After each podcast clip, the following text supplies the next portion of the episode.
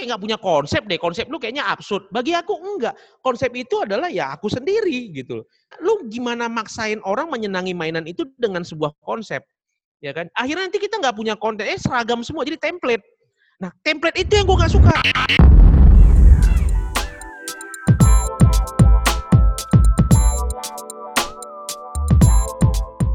Halo semua, kita ketemu lagi di PR Talk by We Are PR. Media merupakan wadah untuk berekspresi. Sejak pandemi, Mas Manu eksis banget di Facebook untuk berbagi cerita tentang hobinya. Hobinya apa? Langsung aja yuk kita dengerin podcastnya bersama Adityo sebagai host dari We Are PR Agency.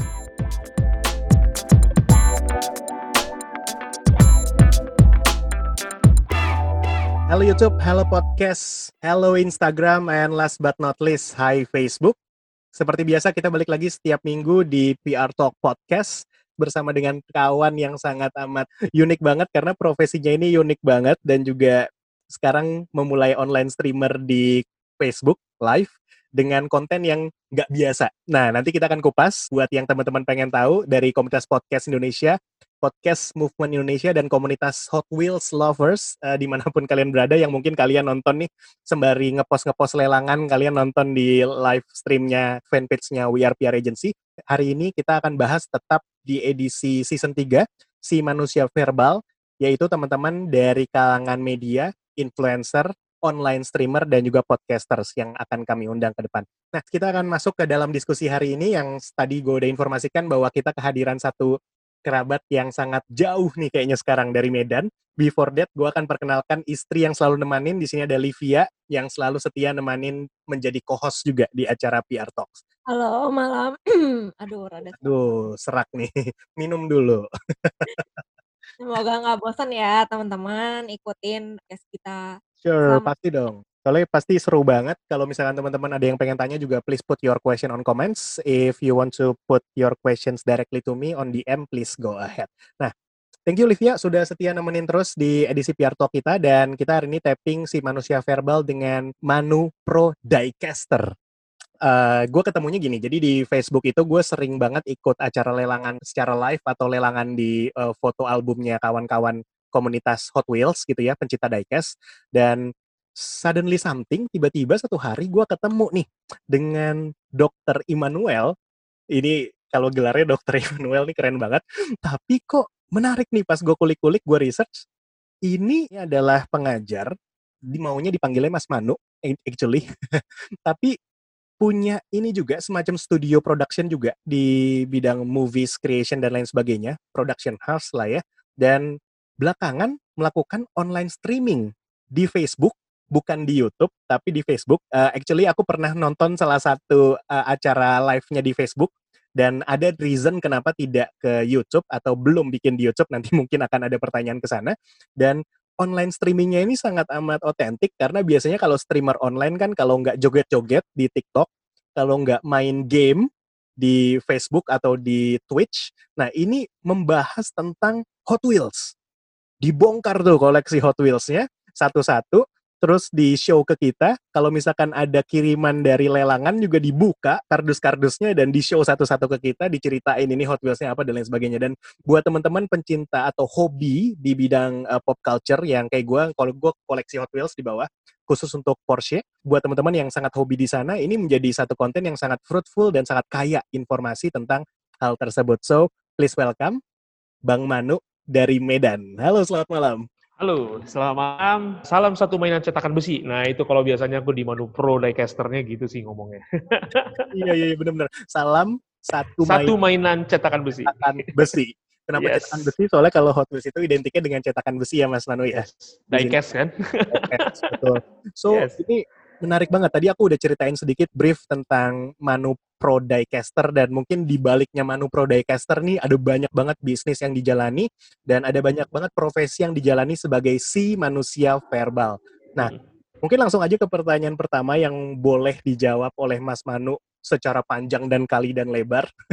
Kita pengen tahu kehidupannya Mas Manu ini, Bang Manu ini seperti apa dan kira-kira dari profesi itu apa yang bisa dibagi ceritanya kepada uh, listeners kita PR people yang sedang live sekarang. Silakan. Oke, okay, PR people, ya benar tadi di introduce-nya begitu dan ketika ngobrol-ngobrol sebelum uh, akhirnya mengiyakan untuk dihukum di kursi panas PR Talk ini, ya aku sebenarnya latar belakangnya adalah seorang dosen. Nah, jadi uh, dosen di sebuah universitas negeri di Kota Medan. Itu juga namanya sih sebuah universitas negeri di Kota Medan dan kebetulan jurusanku adalah jurusan sastra Inggris. Nah, jadi latar belakangnya adalah sebagai seorang dosen yang sastra Inggris, aku punya kegelisahan bahwa aku nyuruh mahasiswaku ini sebenarnya mau ngapain gitu loh. Jadi eh, ketika aku ngajarin sastra Inggrisnya itu itu karena prodi sebelahku itu yang satu jurusan adalah pendidikan bahasa Inggris. Oke, pendidikan bahasa Inggris akan menjadi seorang guru. Gitu kan. Yang sastra Inggris ujung-ujungnya kayak aku jadi lecturer juga, jadi dosen juga. Nah, jadi pertanyaannya apa semua dosen eh, apa semua tamatan sastra Inggris jadi dosen? Jadi dosen itu ya sebenarnya sih Passion juga dibilang iya karena suka ngomong. Jadi pekerjaan aku sebenarnya dari dulu itu sempat kerja di stasiun TV juga, TV swasta di Kota Medan itu pernah. Sebelumnya juga uh, masih juga dengan ini ya, dengan verbal tadi tanda petik. Ya. Sebelumnya aku pelatih, pelatih basket. Jadi punya lisensi juga dan aku juga sebenarnya wasit perbasi juga pernah. Jadi aku pemain, pelatih, wasit, penonton basket. Nah, aku aktif di basket sebelumnya aku guru les. Jadi kayaknya sih perjalanan hidupnya aku itu nggak jauh-jauh dari uh, harus pinter-pinter teknik bicara. Jadi ketika menjadi dosen, aku mengajarkan dan ketika berpikir ini mahasiswa aku mau kerja di mana, sastra Inggris pula.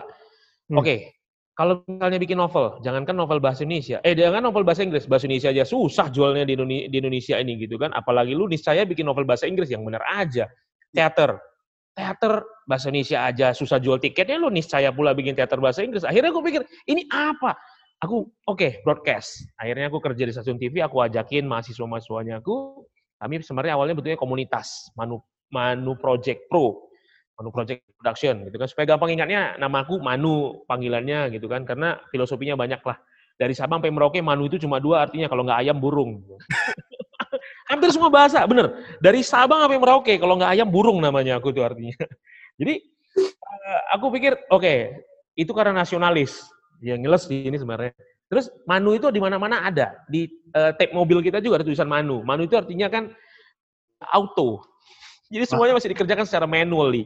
Jadi aku berpikir, oke, okay, semangatnya adalah ini stand by your own feet. Jadi nggak ada yang otomatis. Lu harus kerjain, lu harus usahain. Itu makanya aku bikin namanya Manu Project production sebenarnya tahun 2005 bulan April aku ingat itu. Aku ajakin teman-teman tuh bikin sebuah acara konten acara di stasiun TV swasta di Medan. Lama-lama itu berkembang-berkembang sampai akhirnya ini menjadi yayasan dan concern kami akhirnya ke film. Dari mulai tahun 2009 itu akhirnya kami memang fokusnya ke film. Kenapa film? Akhirnya saya connect. Broadcast itu udah punya ilmunya sendiri. Ya. Nah, jadi kebetulan broadcast itu sama sih film juga kan ada sih jurusan-jurusan film dan televisi semua jatuh-jatuhnya. Tapi aku uh, melihat bahwa orang Medan ini kepingin cerita sebenarnya. Jadi hmm. budaya kongko-kongko itu di Medan tuh itu selalu rame gitu kan dengan orang ngobrol-ngobrol dan akhirnya informasi itu disampaikan dengan cara ngobrol. Lalu aku tertariknya ini semiotika itu kan berupa gambar. Gimana caranya lu bisa nampilin sesuatu dengan gambar tanpa banyak bicara. Jadi gambar lu berbicara. Nah, itu yang mendasari akhirnya udah kami komitmen kami di film. Ternyata ditampung baik oleh teman-teman dari Jakarta, waduh di Badan Perfilman Indonesia terutama disambut dengan baik bahwa kita menghidupkan ekosistem perfilman. Jadilah saya punya studio film dibantu dua kementerian, Pendidikan Pendidikan dan Kebudayaan serta wow. Kementerian Pariwisata dan Ekonomi Kreatif. Jadi ada dua kementerian yang yang sangat support sekali. Akhirnya tercapailah impian kami punya studio. Di studio itu ada bioskopnya, ada studio editing, ada studio soundnya, ada studio artistiknya, studio scriptwriter juga sampai ada gitu, studio scriptwriter sendiri, ada perpustakaannya juga. Dan uh, itu jalan, itu jalan dengan baik. Staff-staffku adalah mahasiswa-mahasiswaku yang aku pakai dan juga uh, ternyata sekolah-sekolah itu senang karena punya badan hukum yang jelas. Akhirnya mereka memagangkan siswa-siswanya itu ke tempat kami. Jadi kami itu nggak pernah nggak pernah sepi. Itu ramai terus dari luar kota juga magangnya tempat kita karena studio kita bisa tinggal, bisa nginep karena staff juga tinggal di situ semua. Dan jaraknya nggak jauh dari rumah saya, sebelahan tepat tepat.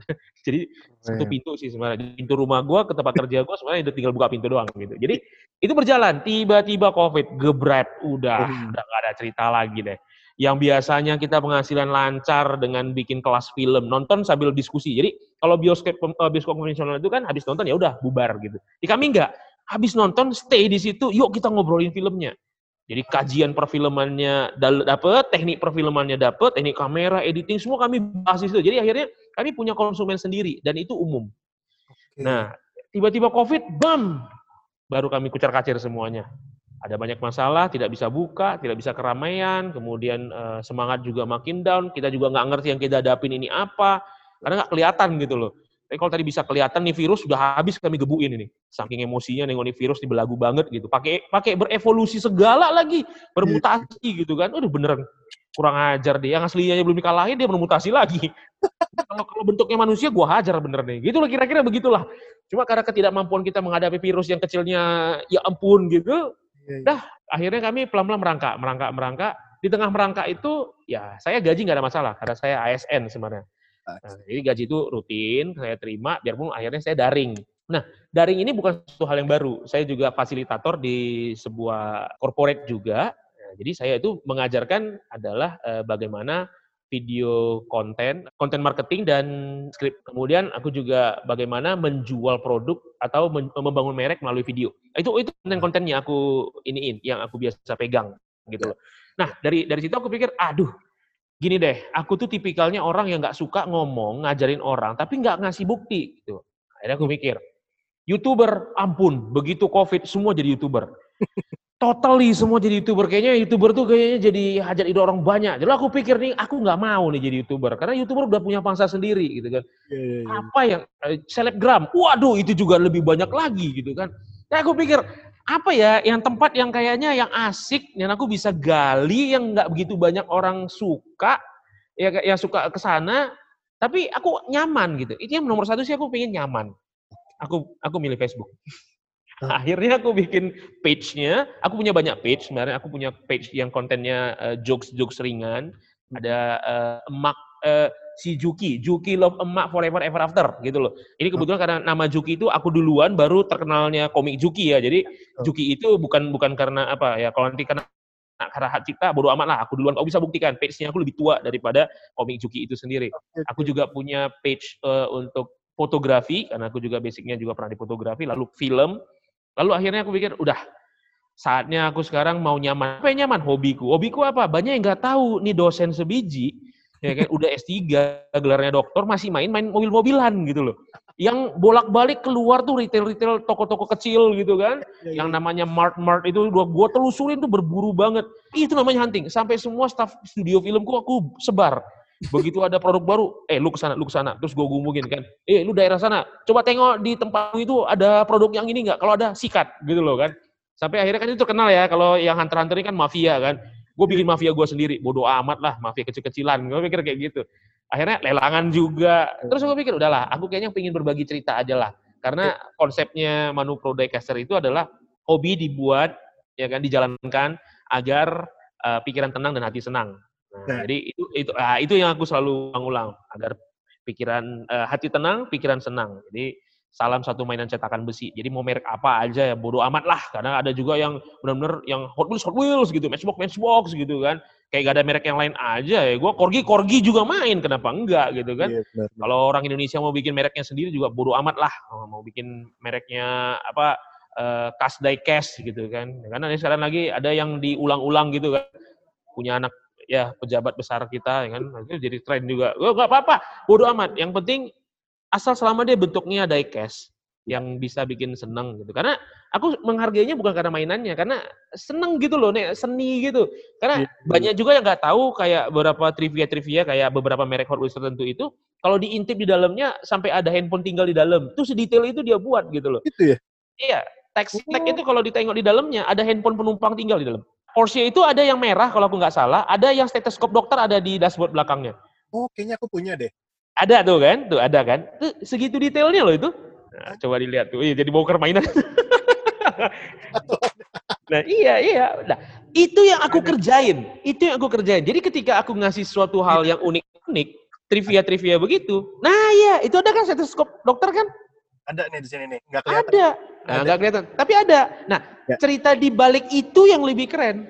Jadi kalau misalnya aku hanya men-trigger aja nih, kisah di belakangnya itu kenapa ada di detail sebagai ya, seperti itu itu ada gitu loh. Dan aku senang membagikannya ke orang sehingga ya aku rajin mengedukasi seperti itu dan uh, membagikan kesan bagaimana serunya itu buka unboxing aku istilahnya unboxing diecast yang aku menang lelangan gitu. Dan aku kebetulan kalau tanya fokusan lu apa no nah ini udah kacau kalau nanya fokusan.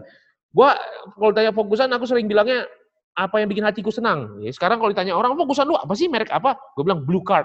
Cari aman gue blue card ya udah. Ya pokoknya yang tua tua sama gue akhirnya orang bilang memang muka lu nggak sia-sia lu bermutu bermuka tua. Bodoh amat Gara-gara gue edukasi begitu, sekarang saingan gue untuk belukan jadi banyak lagi. Semua orang kejar belukan lagi. Semua senang klasik. Aduh, nambah saingan gue nih. Kayaknya besok gue mau menggoreng, istilahnya dari Kaiser itu menggoreng gitu. Kayaknya mau goreng isu lain lagi lah. Apa gitu yang aneh-aneh. Tapi kemarin lagi zamannya itu ya, apa sih namanya, Morris Mini ya? Iya, wow Morris, iya bener. Sempat Ferrari juga sempat heboh tuh. Ferrari heboh, udah udah lama eh, tuh, udah tahun-tahun lalu tuh. Uh, iya, ya. ini sekarang gara-gara Ford Ferrari kan, orang punya Ford iya. nggak yeah. punya Ferrari, rasanya kurang, lengkapin Ferrari lagi gitu kan. Bener, yang klasik-klasik, ya kan. Ah, aduh, bener deh. Akhirnya, udah kalau udah tiba-tiba JDM, semua gila JDM. Pokoknya semua digoreng lah, sampai Nissan R34 itu sempat heboh lah. Bener, bener. Itu kayaknya mobil aslinya nggak seheboh itu, tapi mainannya bisa sampai orang berantem gitu kan, dasar mafia lu.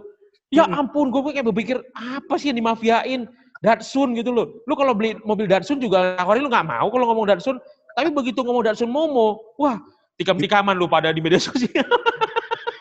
Kalau kalau di ini kalau di lelangan istilahnya sniper. Udah iya, sniper.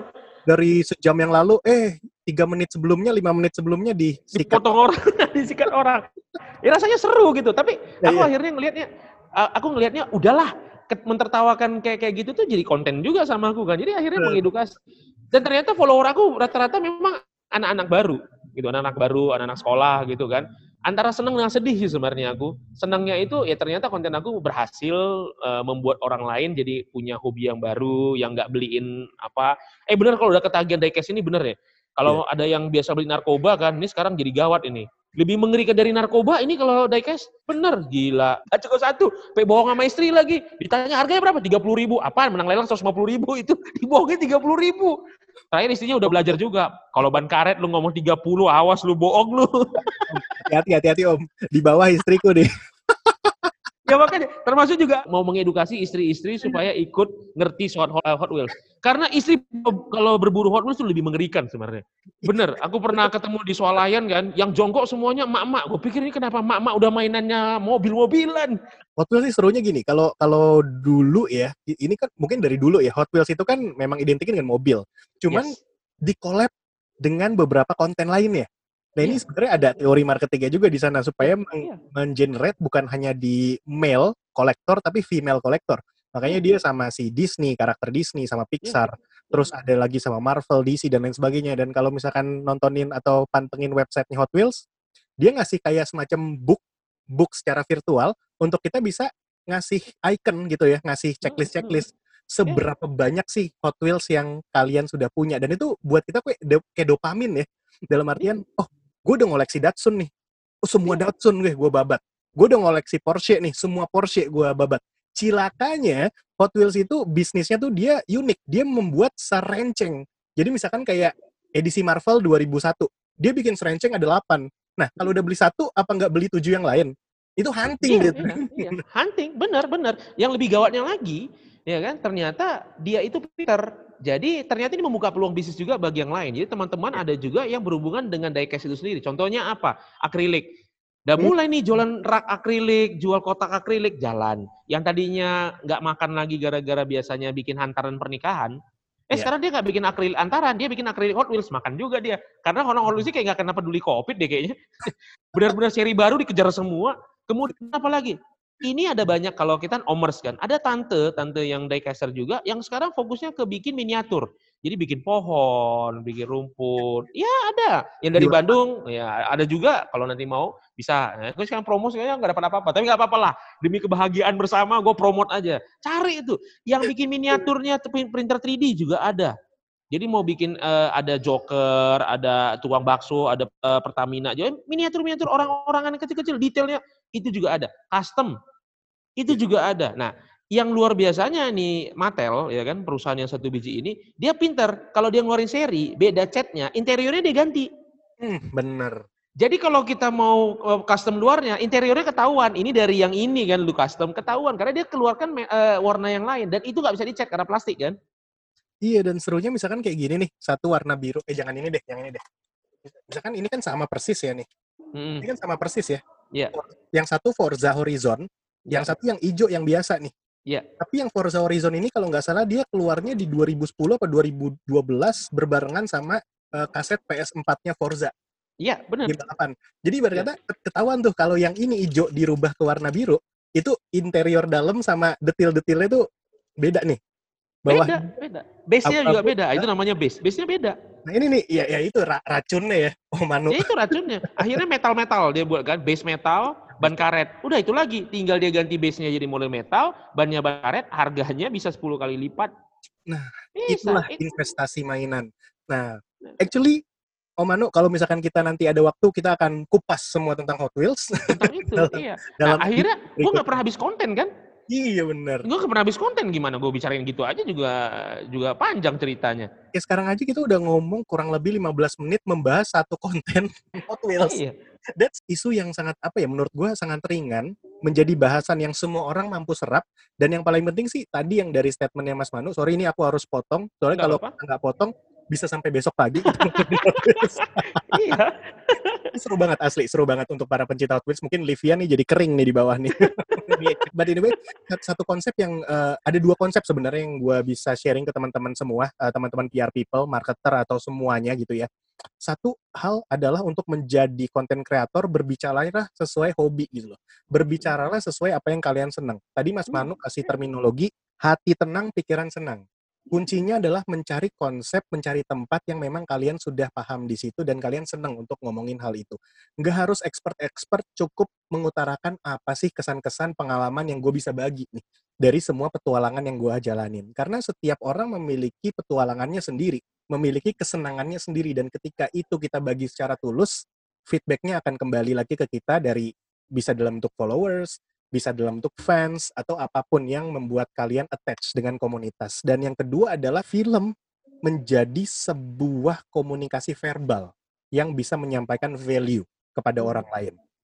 Kalau misalkan kita ngomongin si manusia verbal seperti judul season kita hari ini, mungkin banyak orang yang berpikir si manusia verbal itu apa sih? Apakah yang bersuara di radio, bersuara di podcast, apakah teman-teman yang suka bikin live Instagram atau live TikTok, berjoget dan lain sebagainya, sambilan ngomong dan lain sebagainya, apakah verbal sebatas itu ternyata enggak juga.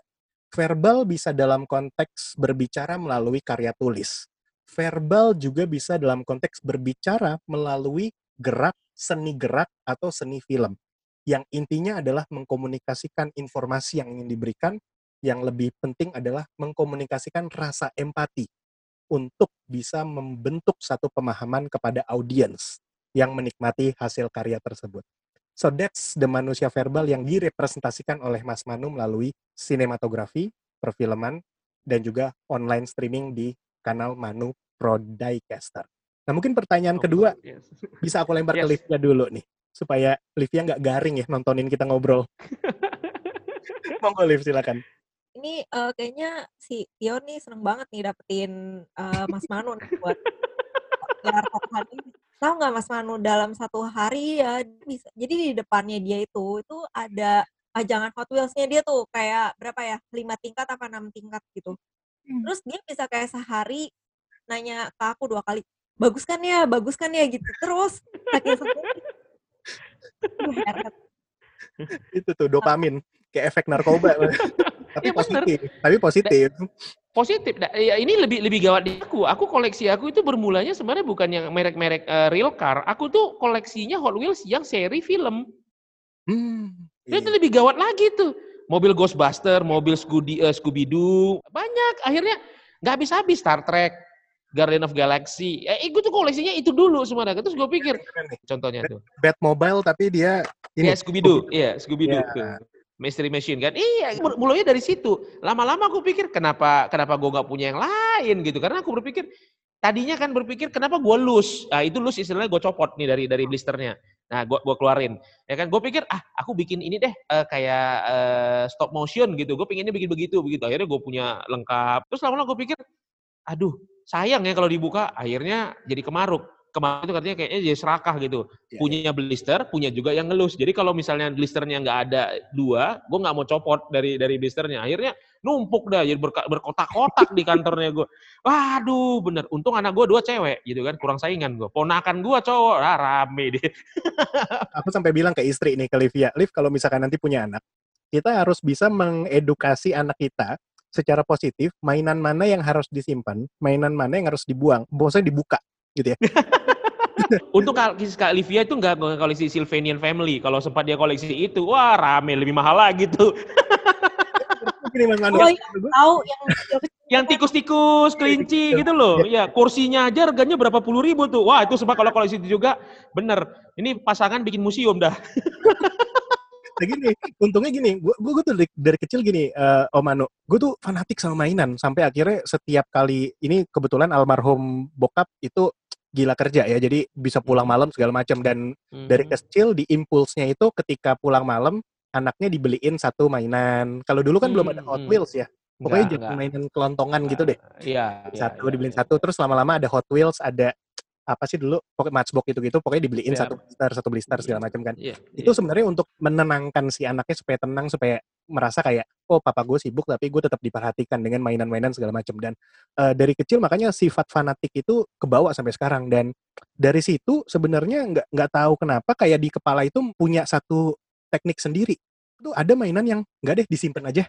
Nggak usah dibuka dari dari dari box. Iya, iya. Kayak iya, di iya, atas iya. nih aku di atas punya punya rak ada empat susun di atas tuh Gundam ada beberapa Oh, Gundam iya, yang iya, iya, iya, iya. iya, aku iya. beli di Jepang dan aku nggak rakit model kit aku juga sempat main dulu sempat gila pesawat aku. Jadi Iya. benar, ini ini masuknya kenapa? Akhirnya kita kalau untuk yang menyentuh soal mainan ini lebih gampang ke cowok-cowok yang usia parubaya maupun tua sekaligus karena cowok itu sampai sampai usia berapapun kalau nengok mainan heboh. ya Dia kalau nengok toko mainan tinggal si toko mainannya memajang di etalasenya mainan aja dengan teknik nyusun yang benar.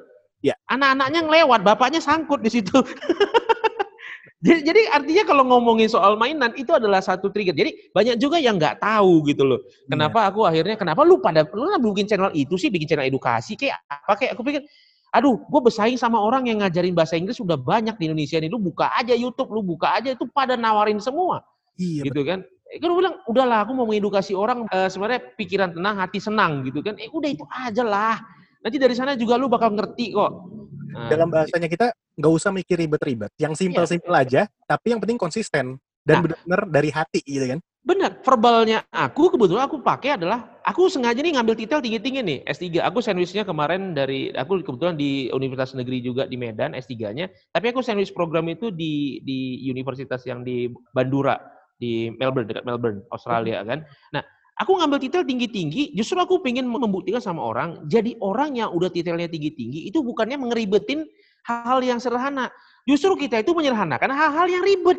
Hmm. Ya, jadi kita ngomongnya nggak usah yang ribet-ribet. Jangan lu bicarain soal mesin turbo berapa gitu di mobil. Lu ngomongin mainannya aja supaya orang tahu. Oh, ini yang kayak di Hot Wheels itu ya, ini Hornet ya. Uh, lu tahu apa soal mobil-mobil klasik Amerika? Gua tahu karena gua tahu dari cer- cerita mainan yang itu loh. Itu aja sih sebenarnya cukup bagus kalau menurut Makanya aku bilang, aku pendidikannya aku nggak bisa tanda petik ya agak songong gitu kan. Lu mau ngeremehin gua, ya nggak apa-apa. Lu ngatain gua goblok, gua aja yang S3 goblok, apalagi lu yang kagak sampai S3 kan. Gua kadang enak ngomongnya begitu kan. Tapi enggak bos, gua nggak ngomongnya nggak ngeribet-ngeribetin. Gua justru bahas hal-hal yang sepele, remeh, tapi gua bungkusnya dengan cara yang lebih serius. Ya, betul. Jadi verbal yang diakui itu adalah menyederhanakan semuanya itu jadi lebih bisa berterima. Itu kata kunci berikutnya. Jadi jangan kayak lu wah public speaker yang benar-benar ribet. Jadi pakai istilah-istilah asing, istilah-istilah yang yang Mm-mm. yang yang rumit-rumit. Ini yang denger denger lu jadi kayaknya kagum sama lu tapi nggak ngerti apa yang lu sampein sama aja. Karena ini eh, banyak fenomena yang terjadi ya. Eh, waktu itu kita pernah ada pembahasan sama salah satu praktisi PR senior juga eh, di season kedua kemarin. Kita bahasnya generasi dulu dan sekarang. Ada satu fenomena di mana mungkin Mas Manu juga eh, cukup sering melihat anak-anak muda yang tiba-tiba stand out dan jadi pembicara dan juga praktisi membahas tentang hal-hal yang mereka rasa mereka expert di situ dengan satu istilah dan lain sebagainya. Sebenarnya kalau menurut gua pribadi sih bukannya bersaing atau apa ya, ini nggak salah juga karena Betul, mereka menjadi perwakilan dari diri mereka sendiri di hal Yes. yang mereka suka. Tapi cilakanya buat mereka yang tidak memperkaya ilmu. Jadi iya, hanya sekedar menggunakan bahasa fancy, terminologi-terminologi berat yang ketika dikupas mereka bisa, ketika dipraktikkan belum tentu mereka pernah lakukan. Iya. Dan itu disebar ke orang lain dan Bener. itu yang yang membuat eh, mohon maaf nih apabila itu terlalu sering terjadi, pemikiran anak-anak muda bisa jadi rusak. Bisa jadi anak muda yang tidak mau aktif membaca, yang tidak mau aktif bertanya, tapi mengkonsumsi berita yang belum tentu diutarakan oleh orang yang tepat. Bener, bener. Ini yang Ya. lagi hangat hari yang lagi hangat hari ini kan juga begitu. Semua orang di timeline aku tuh pada sibuk ngomongin undang-undang. Duh, gila nih sekarang jadi ahli undang-undang semua. Gue juga mikirnya bingung kan. Semua ahli buruh. Aku memilih, udah deh gue diam aja lebih bagus. Kalau yang demo itu bukan buruh-buruh matel, gue Ya. tenang aja dah. Sempat buruh matel demo, gue langsung bilang kan, tolong tolong ya kami yang penggemar Hot Wheels jangan sampai berhenti beli Hot Wheels gara-gara kalian demo. Untungnya pabriknya itu ada di Malaysia, di Indonesia adanya tapi yang gift pack. Gak Oh. apa-apa dah gift pack biarin aja lah. Tapi Iya. yang dari Malaysia jangan sampai ikut demo lah. Jadi gue pikir terserah lu pada mau ribut undang-undang terserah lah. Bukan aku nggak peduli gitu. Aku yang yang apakan sekarang adalah orang ribut-ribut tapi nggak ada yang nawarin solusi. Hmm, Eh, benar. jadi kenapa?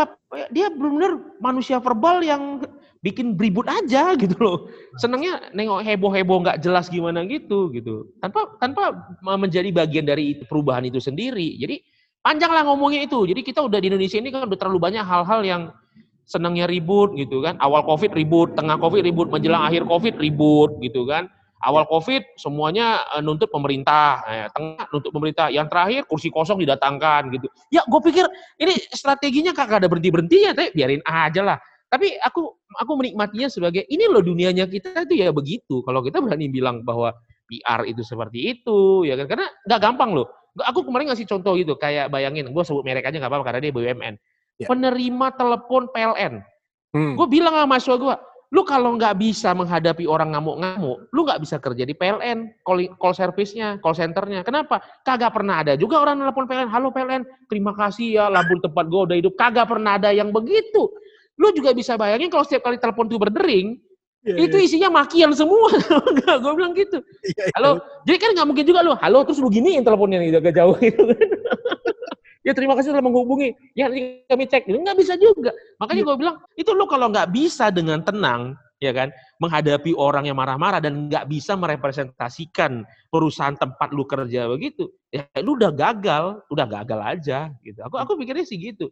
Cuma gue lebih tertarik adalah mengenai kejujuran. Udah jujur aja. Kalau lu nggak ngerti, lu bilang aja nggak ngerti. Jangan lu sok tahu. Ya. Ya Pak, sedang kita perbaiki. Udah di mana itu tugas kau itu? Ya Pak, sedang kita pantau. Pantau dari mana? Lu pantau dari mana? Coba, coba. Bagus lu bilang, udah kita WhatsApp Pak.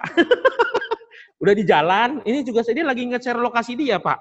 Bagus lu ngomong gitu aja. Nih enggak. Kita Hmm. jadi emosi dengar dia kan. Ya akan segera kita tanggulangi. Ya akan kita segera tanggulangin. Lu tanggulanginya kayak gimana sih? Ini yang menarik. Sederhanakanlah hal-hal yang kalian Rumit. tahu gitu loh. Hal-hal yang rumit. Jangan eh, dengan adanya terminologi fancy keywords yang berkembang di dunia ini membuat kalian lupa akan akarnya. Ya. Akar pendidikan tuh sebenarnya simple kok. Kita Yes. diajarkan dari guru-guru dan expert-expert yang terdahulu tuh dengan metode komunikasi yang sangat simpel. Kalau aku pribadi, kita diajarkan dari yang paling dasar dan apa pun terminologi yang berkembang di masyarakat ini hanyalah dalam konteks perkembangan industri. Ya semua bahasa juga berkembang gitu ya, tapi tetap berkomunikasi seperti apa yang ingin didengar oleh audiens. Ketika Yes. kita menjadi orang apa pun, ketika kita memiliki strata apa pun, akan lebih baik kita menginformasikan kebenaran dalam platform apa pun. Lu Iya, mau bikin podcast, lu mau bikin uh, online streamer di Facebook, lu mau bikin YouTube dengan konten edukasi dan lain sebagainya. Informasikanlah kebenaran yang tidak ribet, tidak terlalu rumit, dan cukup bisa dimengerti oleh masyarakat yang kenal dengan kalian atau yang senang dengan hal-hal yang sama. Dengan begitu, konten kalian khususnya buat streamer-streamer online atau live streaming online itu akan memiliki rasa attach atau rasa kedekatan dengan audiens. Lebih baik memiliki kedekatan ketimbang memiliki ketertarikan atau keterkaitan. Awareness-nya gede, tapi begitu video kedua drop lagi. Benar. Akhirnya mikir lagi supaya dapat awareness yang besar. So that's the nice keywords dari Mas Manu tentang bagaimana kalian bisa menempatkan hal sesuai dengan audiens kalian. Next question mungkin Livia. Sebagai online streamer dan content toys dan hobi, apa pengalaman menarik dari Mas Manu yang bisa dibagiin ke audiens, khususnya dalam hal produksi konten dan mengembangkannya? Yes, yes. Jadi uh, pengalaman sih sebenarnya ini dia, yang paling seru itu itu. Kebetulan karena memang aku adalah orang yang peduli detail dan penggila keindahan gitu kan. Cuma nggak nggak ekstrim-ekstrim kali lah. Aku bukan yang penyakitnya harus semuanya simetris gitu nggak.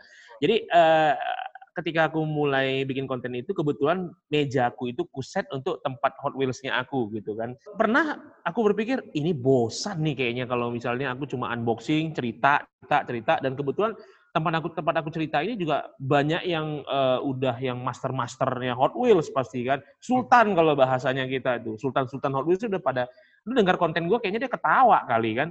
Jadi aku enggak, aku kepingin yang kubawakan itu adalah ininya dunianya aku itu ya kayak gimana? Aku nggak punya koleksi ini, nggak punya koleksi, tapi aku punya wishlist ini. Lalu uh, makanya aku juga ke belakang itu aku udah punya interaksi dengan kameramenku. Aku ngobrol sama kameramenku yang uh, which is adminnya aku. Aku ngomong-ngomong, kadang-kadang ngeledekin dia gitu kan, dia suka ungu. Kan. Sama kayak aku bilang, ih cantik kan, ih cantik kan. Terus dia berpikir, di mana cantiknya ini? Dia sampai lelang 150 ribu gitu kan. Kadang-kadang ngeledekin dia. Jadi ada interaksi dengan kameramen aku. Yang ternyata itu membuat kayaknya jadi lebih santai uh, kontennya aku itu jadi lebih santai bisa dilihat orang jadi orang juga tertarik uh, mengomentari dan aku sering mengucapkan teman-teman aku yang omers jadi uh, kayak ini kemarin di antara sama Om Denny gitu kan ini kayak dikerjakan Om Sugi uh, ini yang kayak kemarin di koleksi Om Freddy aku tuh ngomongnya nyebutin nama-nama mereka yang nanti ketika aku uh, posting aku tag nama mereka Nah, aku beli dari Om ini loh, lapaknya keren gitu kan. Dan sekarang aku udah mewajibkan semua orang yang menang lelangan, yang aku menang lelangannya ngirim stiker. Nah, stiker itu aku tempel di kotaknya aku. Jadi proses nempel stikernya aja pun jadi sebuah konten. Nah, kemudian yang yang aku lakukan adalah membawa keliling. Jadi, eh tengok, gue gue punya, deh, gue bawa dia ke kotaknya, gue buka depan mereka, gue keluarin dari mereka.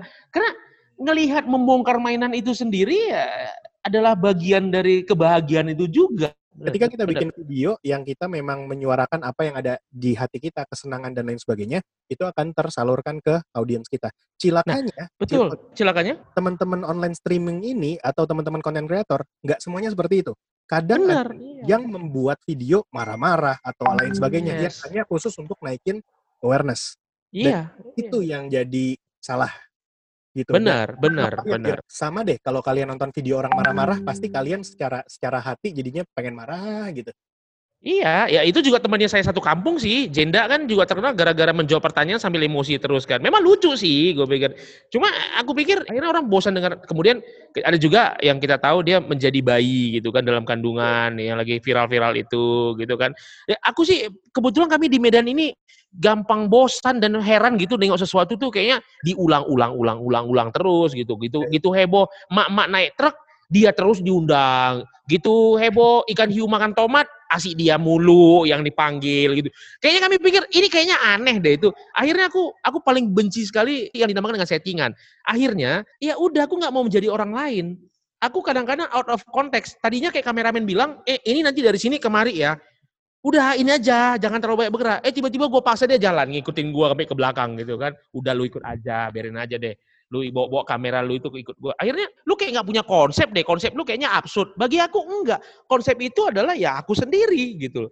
Karena lu gimana maksain orang menyenangi mainan itu dengan sebuah konsep. Ya kan? Akhirnya nanti kita nggak punya konten, eh seragam semua, jadi template. Nah, template itu yang gue gak suka. Om, aku pengen nanya nih, kalau untuk sineas, mengenali pribadi diri, personality, itu kan mudah ya, karena ada proses ke dalam.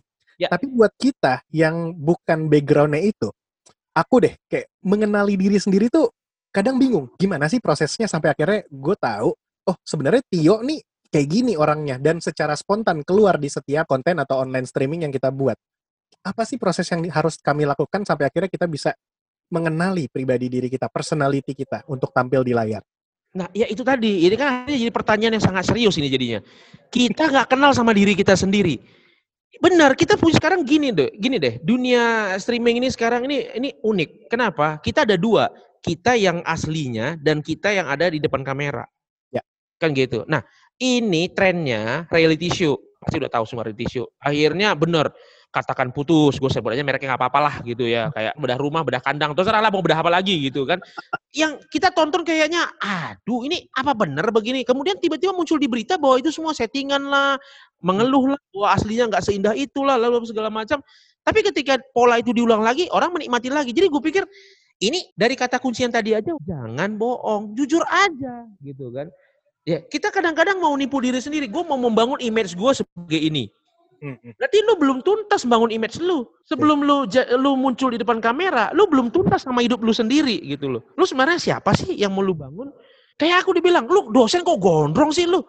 Nah ini berkali-kali aku apain. Banyak ada akhirnya atasan aku yang di kampus juga ada yang bela, ada yang ngamuk-ngamuk juga kan. Ya juga termasuk di di tempat ibadahnya aku juga ada yang bilang, ah, apa sih sini ini orang gitu kan. Lu ngapain sih rambut lu panjang begitu? Lu kayak benar-benar kayak berandalan. Aku sampai jawab, Mas, Mas coba cek dulu tuh koruptor, rambutnya yang panjang berapa persen? Sampai kita bilang begitu, ya rambutnya rapi banyak gitu kan.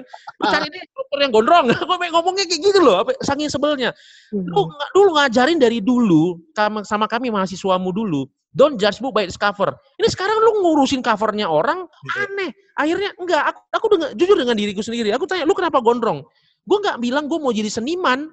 Karena aku jujur dengan diriku sendiri. Kenapa aku gondrong? Karena aku suka rambutku dimain-mainin angin. Jadi aku bilangnya dibelai Tuhan. Bener, gue alasan gue cuma sesimpel itu aja. Gue senang rambut gue ditiup-tiup angin. Kayak rasanya dibelai-belai gitu sama Tuhan gitu kan. Makanya aku orangnya penyendiri itu. Lagi suntuk aku naik lantai tiga, ah, cuma ditiup-tiup angin aja bisa nenangin kepala gue gitu kan. Rambut gue botak nggak bisa gue rasain. Kan jawaban itu kan kayak, ah itu doang jawabannya. Iya, lu nggak ada filosofisnya sama sekali. Emang nggak ada, kenapa mesti gue ciptain ada sih? ya aku sih kayak gitu. Akhirnya aku kenal dengan diri aku seperti apa. Jadi kalau orang bilang, no, kayaknya kau penuh dengan kepalsuan deh kalau begini. Hmm. Aduh, aku sekarang kalau cerita sampai aku nyiapin bukti-buktinya semua di sini gitu loh. Apa Hmm. yang gue bilang, gue kasih lihat fotonya. Gue pernah begini, nih lu lihat nih. Itu yang akhirnya biarin aja, itu melekat ke aku. Karena Hmm. bagi aku sih tiga prinsip bapakku ngajarin tiga. Jujur, disiplin, tanggung jawab. Jujur masalah gua sama Tuhan, disiplin masalah gua dengan diri gua sendiri, tanggung jawab masalah gua sama orang lain.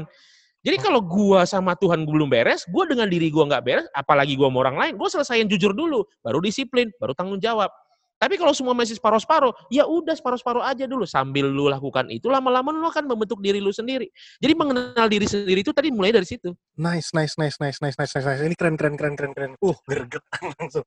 Keren. Karena gini, konteks online streaming atau konten digital ini membuat semua orang akhirnya tadi, yang kayak Mas Mano bilang, akhirnya punya dua kepribadian. Atau mungkin lebih dari dua gitu ya. Ada kepribadian di TikTok, ada kepribadian di Instagram, ada kepribadian di Facebook, dan sebagainya. Sampai akhirnya ada satu meme gitu ya, di Pinterest atau apa pun gitu, dibagi empat.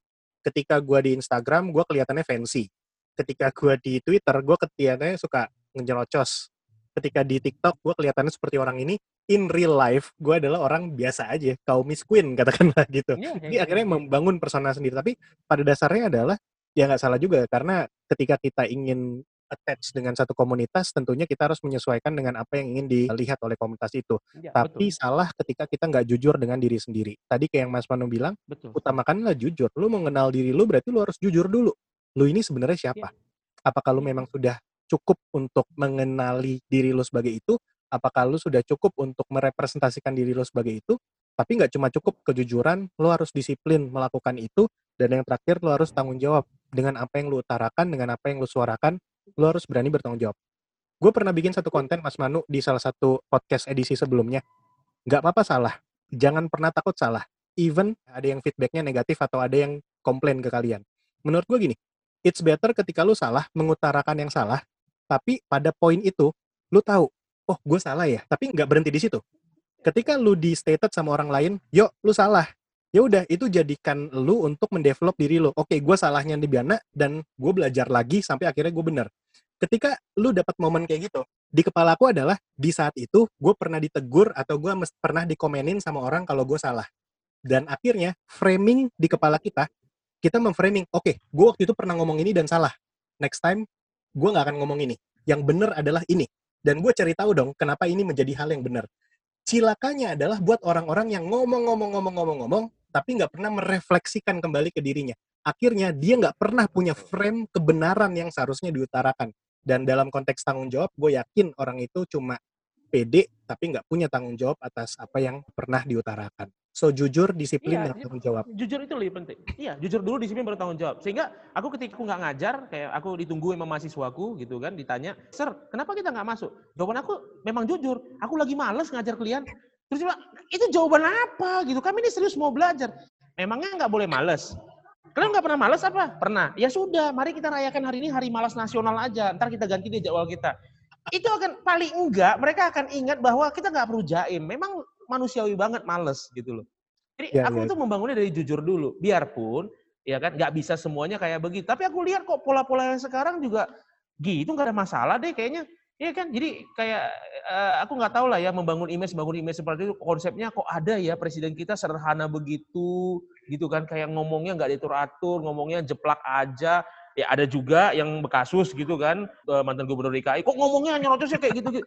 Gue ya sudah ini udah mulai trennya kita nggak perlu lagi yang jaga-jaga image gitu kan ya diri lu kayak begitu ya begitu akhirnya orang bilang ah udah Ra, memang biar memang gila deh kalau ngomong begitu ya bodoh amat emang gua begitu Kok masih Apalagi- banyak yang mau denger juga Apalagi di konten digital, udah nggak ada saringannya. Kalau dulu konten di mass ada, media, mungkin ada ini ya, pre-production, Ada, iya. ada, Iya, ada apa, iya. orang yang ngawasin supaya kontennya benar. Tapi begitu konten digital, ini real time.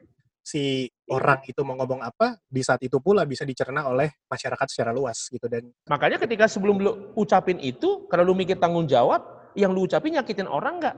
Ini kan banyak nih influencer masuk ya kan? Orang TikTok aja bisa kena tuntut bikin konten nyakitin perasaan orang. Ya, karena apa? Itu dia coba jaga-jaga nahan-nahan nggak keluar. Sementara aslinya begitu. Ya Hmm. kan? Itu pasti kelepasan gue di kepala gue juga nggak kepingin menghina orang lain ngapain juga gue hina orang lain? Yang sering gue jadikan konten adalah menghina diri gue sendiri. Ya udah gimana mau dituntut orang? Ya kan jadi kalau bilang body shaming lu body shaming apaan? Gue ngomongin gue kok emang landasan pesawat gue ngomong gitu aja kan. Nah, ini penumbuh rambut gue udah pakai akhirnya kepala gue botak jenggot gue yang numbuh. Gue kayak ngomongnya begitu kan. Eh, gak ada masalah gitu. Cuma niatnya dari awal itu nggak gitu. Nah coba kalau kita itu pura-pura, kita membangun diri kita itu adalah orang yang sangat alim atau religius. Sementara kita bukan seperti itu. Tunggu kelepasan ngomong aja itu. Di situ titiknya. Kita mem- memotivasi orang, memotivasi orang eh, membentuk rumah tangga itu bahagia. Tiba-tiba, lu aslinya nggak begitu. Lu punya skandal di luar dan ketahuan publik pula. Putus lu. kayaknya tahu deh nyentil yang mana. Udah kayaknya. Tapi sentilan-sentilan Mas Manu ini sangat masyarakat banget dan semuanya pasti pernah dan yang paling terakhir kemarin itu yang di TikTok dan lain sebagainya. Inilah sentilan-sentilan yang kita kita bisa bilang kalau lu ber- berawal dari ti- ketidakjujuran pada satu titik reputasi akan hancur juga. Konteks PR yang sangat umum pertarungan membangun reputasi. Tapi reputasi dibangun tanpa kepercayaan dan kebenaran, ujung-ujungnya adalah reputasi yang hancur. Lebih sulit, bahkan hampir Yes. tidak pernah ada kejadian di mana orang atau tokoh yang reputasinya hancur bisa kembali lagi membangun reputasi. Reputasi adalah rekam Yes. jejak Udah susah. selalu Betul. ada sampai kalian meninggal dunia. So Mas Manu, tiga menit terakhir secara singkat yang nanti mungkin akan ditanya sama Livia untuk last question ini. Oke, jadi eh, menurut Mas Manu sendiri perkembangan media digital saat ini seperti apa sih? Terus apa harapan ke depan dari Mas Manu untuk online streamingnya Manu Prodaycaster? Oke, ini pertanyaan gampang. Ini gue suka banget permainan akar kata. Jadi media, media itu ya berarti media, bukan lu di situ, lu pakai medianya gitu loh. Jadi media itu ya alat bantu. Nah, kalau yang paling benar adalah lu jangan mengharapkan medianya terlalu berlebihan. Itu kemampuan lu pakai media doang. Tapi lu perkaya dari diri lu sendiri aja dulu. Jadi begitu lu bilang, eh tiba-tiba kalau misalnya besok muncul lagi isu Facebook tutup, ya udah tutup aja dia situ. Emang kenapa kayak nggak punya media lain aja? Ya kan, biar deh gue pakai mikrofon di pinggir di, di atas pickup gue keliling-keliling ngomongin teman-teman, lu pernah ngerasain daycaster kagak? Ya biarin aja gue pakai mikrofon balik kayak zaman dulu. Ya karena bukan gara-gara Facebooknya gue jadi begini, emang karena bawaan gue kepingin nge-share sesuatu. Mana dalam diri gue tuh pingin sharing tentang hal ini kepada orang lain gitu. Nah kalau ke depannya aku pingin seperti apa Manu Pro Daycaster ini, aku kepinginnya Manu Pro Daycaster ini eh, berjalan seperti apa adanya. Seperti apa adanya itu artinya selama aku masih belum melepas satu pun koleksiku, berarti aku masih cinta sama dia kan gitu kan. Tapi Kalau nanti aku ngelepas, ya sudah, aku bikin eh, farewell dengan ngasih raok lah kalau bahasanya Hot Wheels itu kan, gue ngasih raok dah sama siapa aja yang bisa jawab pertanyaan gue, gue permisi dari channel gue, gue bagiin item-item yang gue tanda tangani, gue pakai gitu sih, gue mikirnya gitu. Cuma sampai sejauh ini, aku bikin go aja, karena ada banyak item-item yang gue belum dapat. Contohnya Honda Monkey yang joknya coklat. Kalau ada yang mau dan nonton video ini, tawarin di komennya. Gua Honda- kemarin di sniper mulu gua. Honda Monkey itu motor ya, bener Mas Anu ya? Bener motor, motor. Eh, Jadi udah, gue masih dari flow aja. Sementara ini gue belum mau nyerah. Gue masih kepingin berbagi cerita, hal-hal unik lain di diecast. Dan gue berharap nanti teman-teman bisa saling berbagi. Kalaupun enggak, ya sudah. Makanya aku nggak mau bikin modelnya podcast. Biarlah aku menjadi modelnya vlog aja. Thank you, Dr. Immanuel Yes. Gintings. Ini sangat amat inspiratif banget buat teman-teman. Eh, sepertinya gue nggak akan rangkum panjang lebar. Pada intinya, setiap jawaban Mas Manu memiliki satu quotes dan inspirasi buat teman-teman juga. Dan moga-moga teman-teman yang hadir di sini sempat bisa tonton ulang atau bisa menjadi inspirasi untuk semuanya. Tadi seperti jawaban yang terakhir, eh, ini gue show dulu di kamera. Kalau misalkan teman-teman pernah baca, ini buku Crushing It. Crushing It itu karangannya Gary V, Gary Vayner ini bapak marketing millennials. Kalau bapak marketing dunia kan Philip Kotler ya, tapi kalau buat gue bapak marketing dan communication social media ini Gary, Gary Vaynerchuk untuk millennials. Jadi sama seperti Mas Manu bilang, media. Media adalah platform dalam bahasa keren. Tapi dalam bahasa Indonesia, media ya medium, alat bantu yang menjadi wadah semuanya. Dan media ini mau sampai kapan pun bakal terus berkembang bahkan nggak cuma media, industri apa pun, bisnis apa pun, sampai dengan kapan pun selama yang kerja masih hidup, itu akan terus berkembang. Dan ada kalanya sebuah media mati, tutup, dan lain sebagainya. Seperti yang dijelaskan di buku ini, dulu pernah dibahas tentang Musical.ly. Musical.ly akhirnya jadi TikTok. Dan kita nggak pernah nebak apakah TikTok akan long last atau akan tutup dan lain sebagainya, kita nggak pernah tahu. Media apa pun juga seperti itu. Kita nggak pernah tahu media itu akan long last berapa panjang. Tapi pada intinya gini, ketika lu punya hobi, lu punya rasa untuk mau menceritakan sesuatu, menjadi manusia verbal dalam konteks apa pun, karya tulis, suara, ataupun video, lakukanlah dengan apa yang lu seneng. Cari suara lu, find your voice, find your tone, dan lakukan itu dengan kebenaran yang sejatinya menjadi kebenaran dari diri kalian. Media apa pun itu adalah tempat latihan untuk kalian bisa adaptasi dengan media tersebut dan ketika nanti berganti dengan media baru, at least pengalaman menggunakan platform sebelumnya menjadi bahan latihan untuk mengembangkan konten digital di platform yang lain. So media akan terus berkembang, industri apa pun akan terus berkembang, jangan pernah kehabisan ide, yang penting hati tenang, pikiran senang. So, Senang. Anu Prodecaster, terima kasih. Jangan lupa hobi tetap gunakan agar pikiran kita tenang dan hati senang dan tetap jaga kesehatan. Pokoknya salam satu mainan cetakan besi. Oke, Manu Prodecaster si manusia verbal. Sampai jumpa di acara berikutnya. Bye-bye semuanya. Terima kasih.